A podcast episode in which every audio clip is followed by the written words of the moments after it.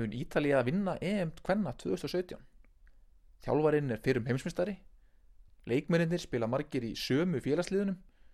Ítalsk landslið kunna skiprækja varnarleiki yfir heilt stormót ég er kannski farin aðeins fram á mér. En í þessu podcasti ætla ég að fjalla um Ítalska kvennaboltan og Ítalska kvennalandsliðið á EM 2017 ég heiti Björn Már Ólafsson og þið eru að hlusta á podcastið Ítalski boltin Calcio Femminile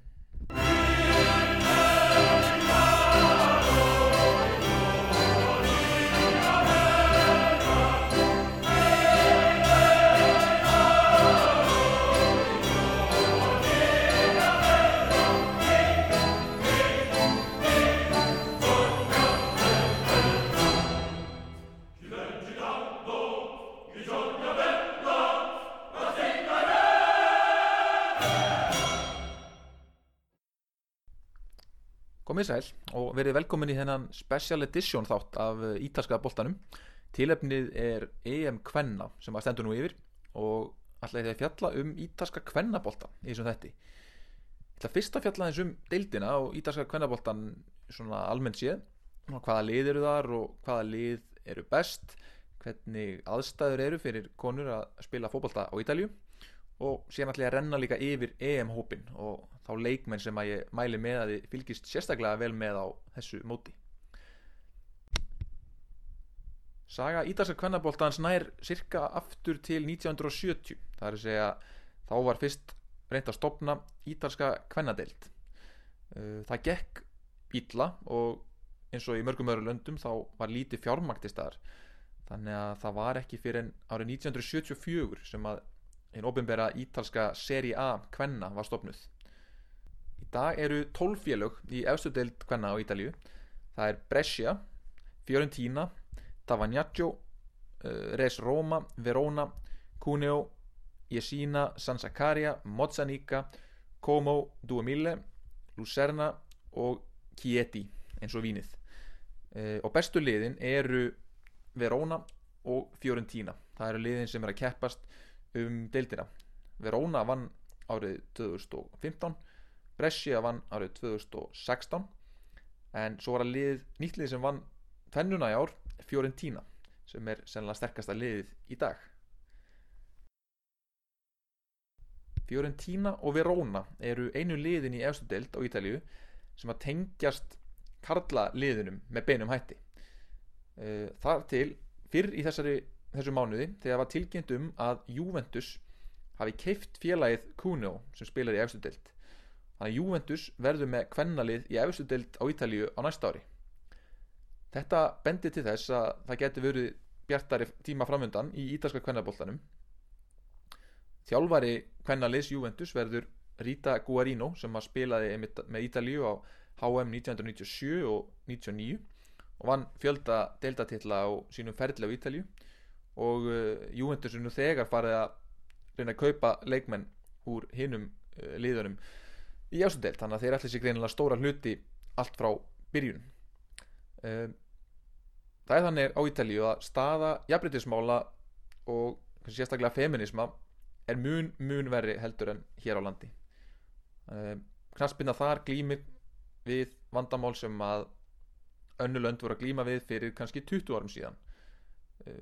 Hátsetti menn í valdastöðum innan ítalska knastmyndusambansins hafa endur tekið látið út úr sér mjög slæm ummæli.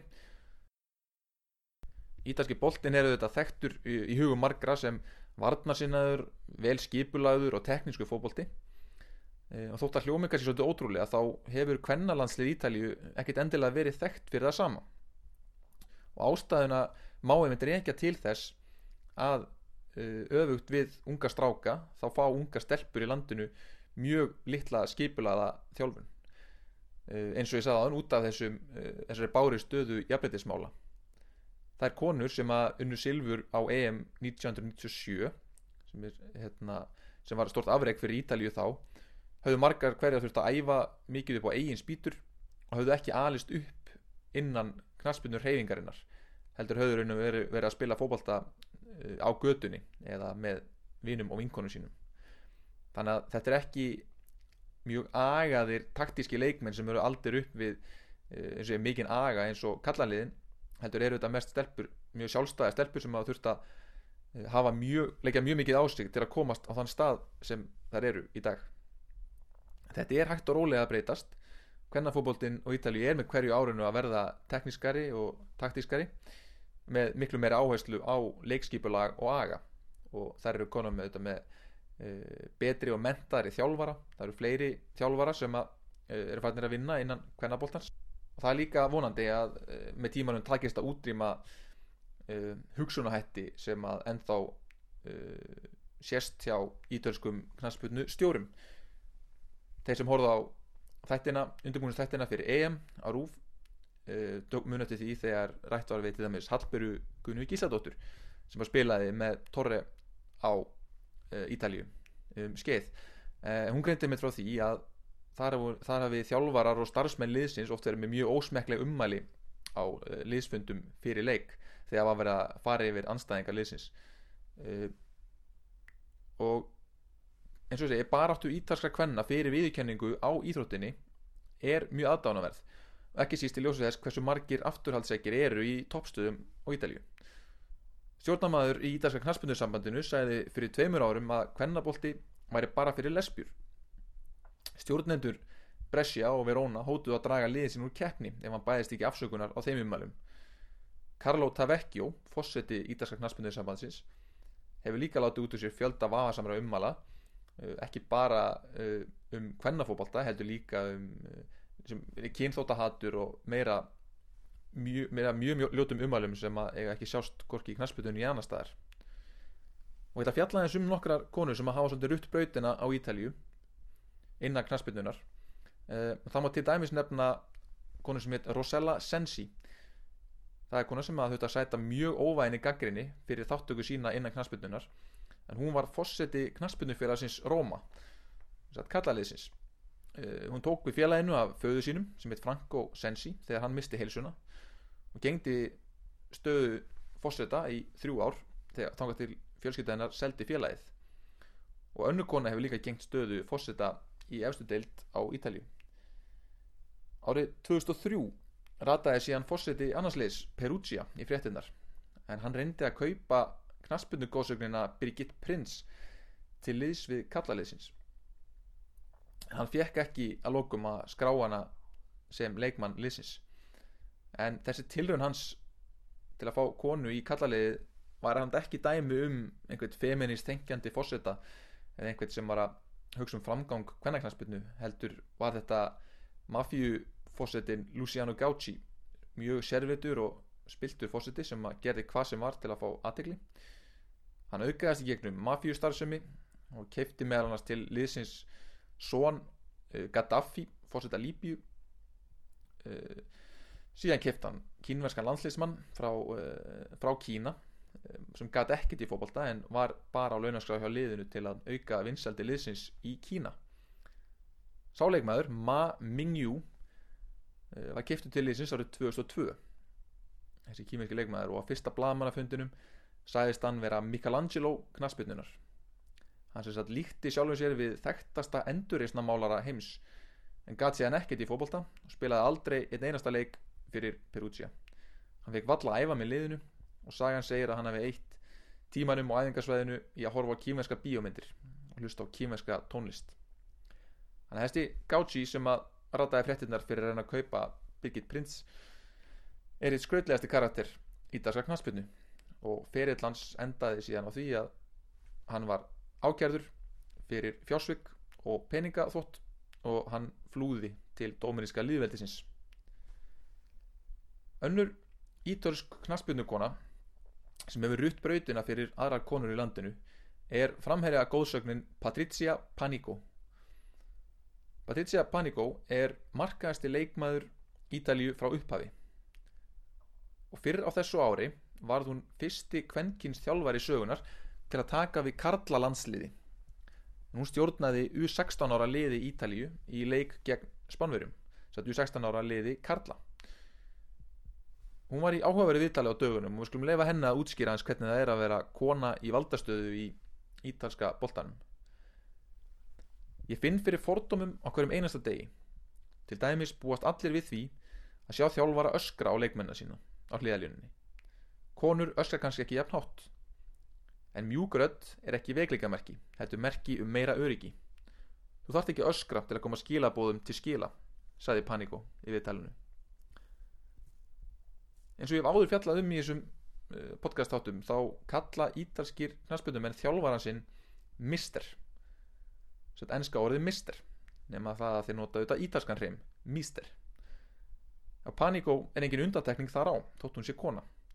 Hún sagði í viðtælunu að strákarnir séu vanir að kalla þjálfaran sinn mister og í sannleika sagt þá er mér bara alveg sama hvað þið kalla mig svo lengi sem þið sína með virðingu.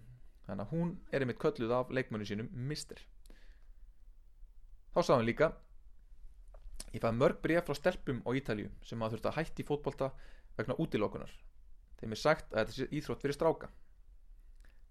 Eða þá fæ ég bref frá stelpum sem spila í blönduðum liðum stráka og stelpna en strákarnir senda boltan aldrei á þær. En þetta er að snúast við og stelpunar í dag eru komnar í stöðu sem þar fengu áður ekki að komast í. Og í sannleika satt þá var líka komin tími til en nú skulum við snú okkur aðeins að því ítalska landsliði sem var mætið til leiks á EM á mánudaginn. Og skulum skoða aðeins bæði leikmannahóp og þjálfaran Mana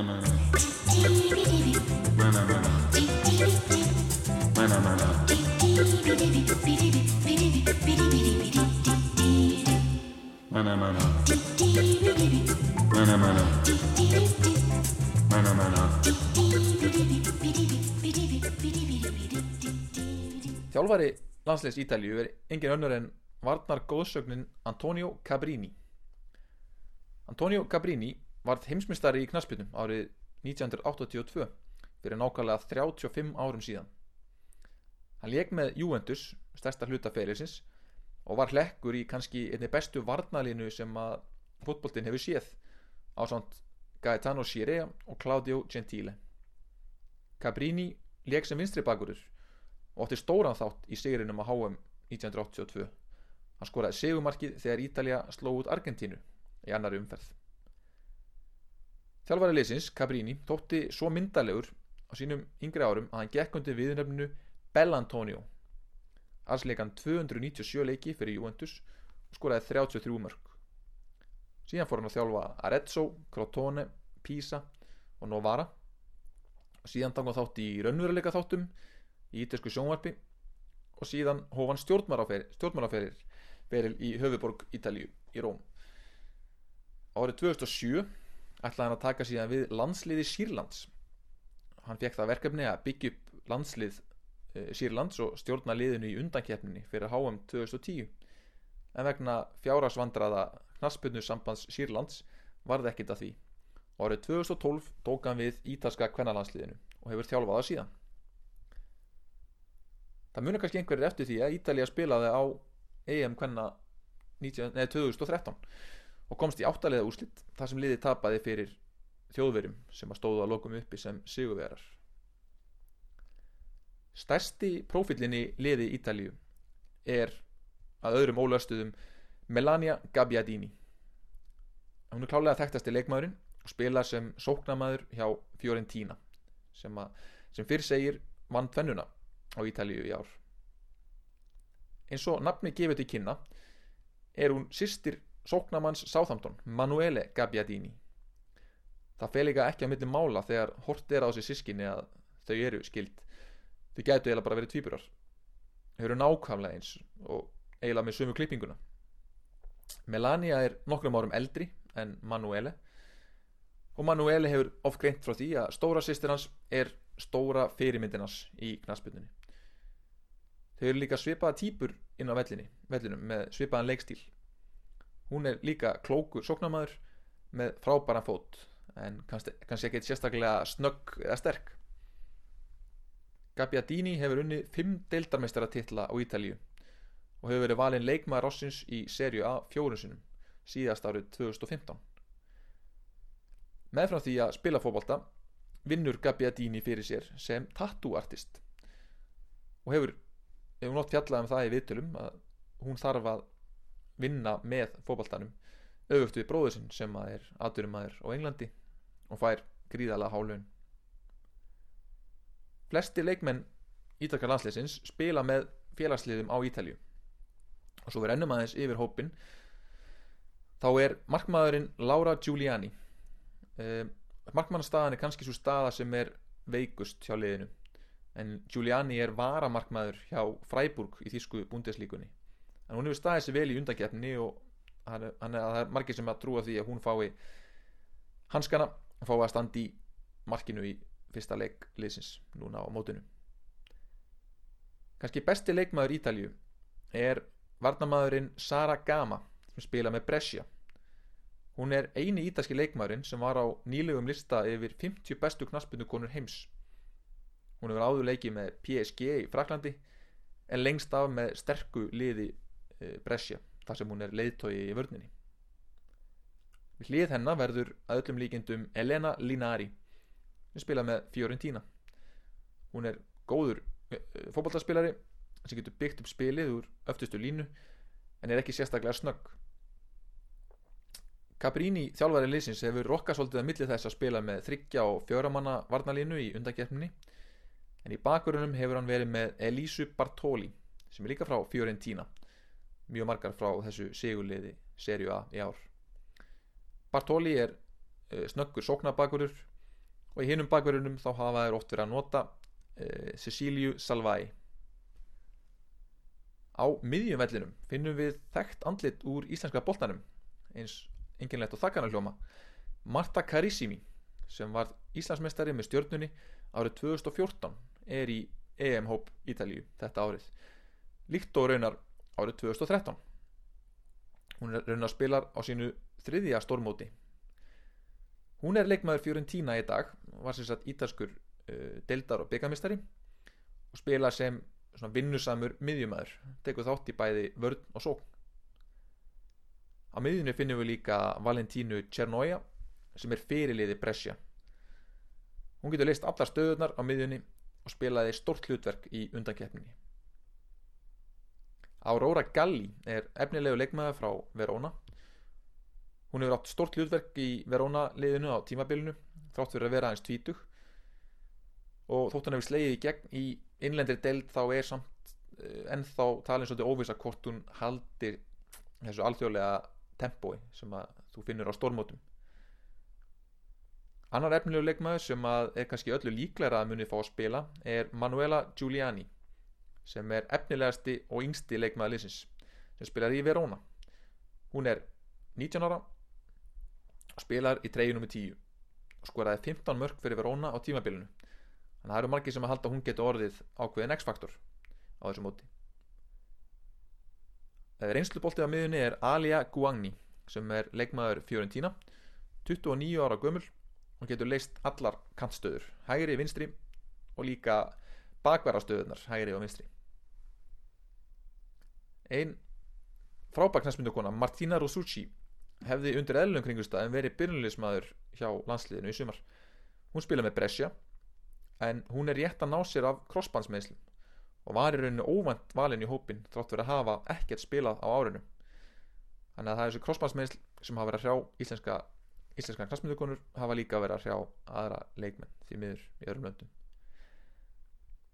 Ítalíu á þessu móti vantar samt eins og það er besta miðjumannin sin hann fótbrotnaði í vor.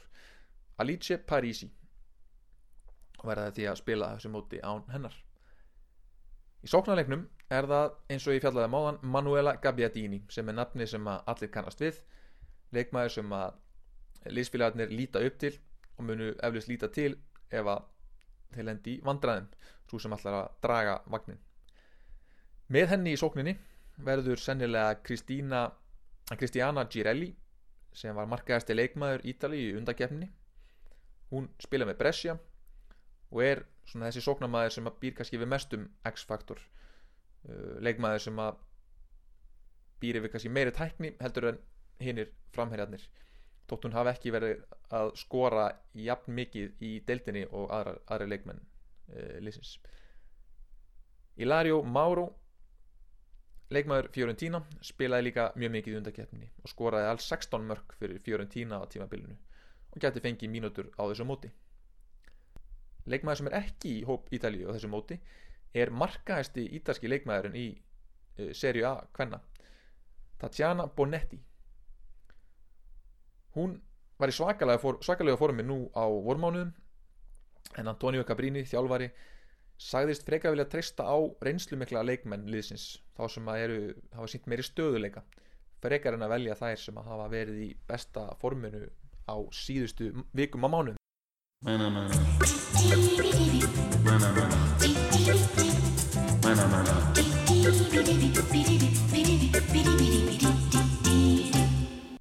Mánudaginn 17. júli mætir Ítalja Rúslandi í fyrsta leik liðsins á mótinu. Hinn tvö liðin í reilunum eru Svíþjóð og Þískaland og það verður að teljast ólíklegt að Ítalja komist upp úr þeim dauða riðli þar sem bæði Svíþjóð og Þískaland eru líklegir sigurvegarar á mótinu. En þeir sem þekkja hugafar ítalska leikmanna og landsliða vita að það skiptir aldrei máli hvernig formið er fyrir mót. Skiptir rauninni ekkert máli hversu sterkur hópurinn er. Því að með réttu skipulagi og gæðum og réttum stað þá getur hvaða ítalska landslið sem er unnið hvaða stórmót sem er. Og með heimsmeistara og einn upplúðast að varnamann sögunar á hliðalínunni til að skipulegja varnarleikin þá var sennilega best að vannmeta Ítalíu bara alls ekki. En að lokum þakka ég fyrir mig.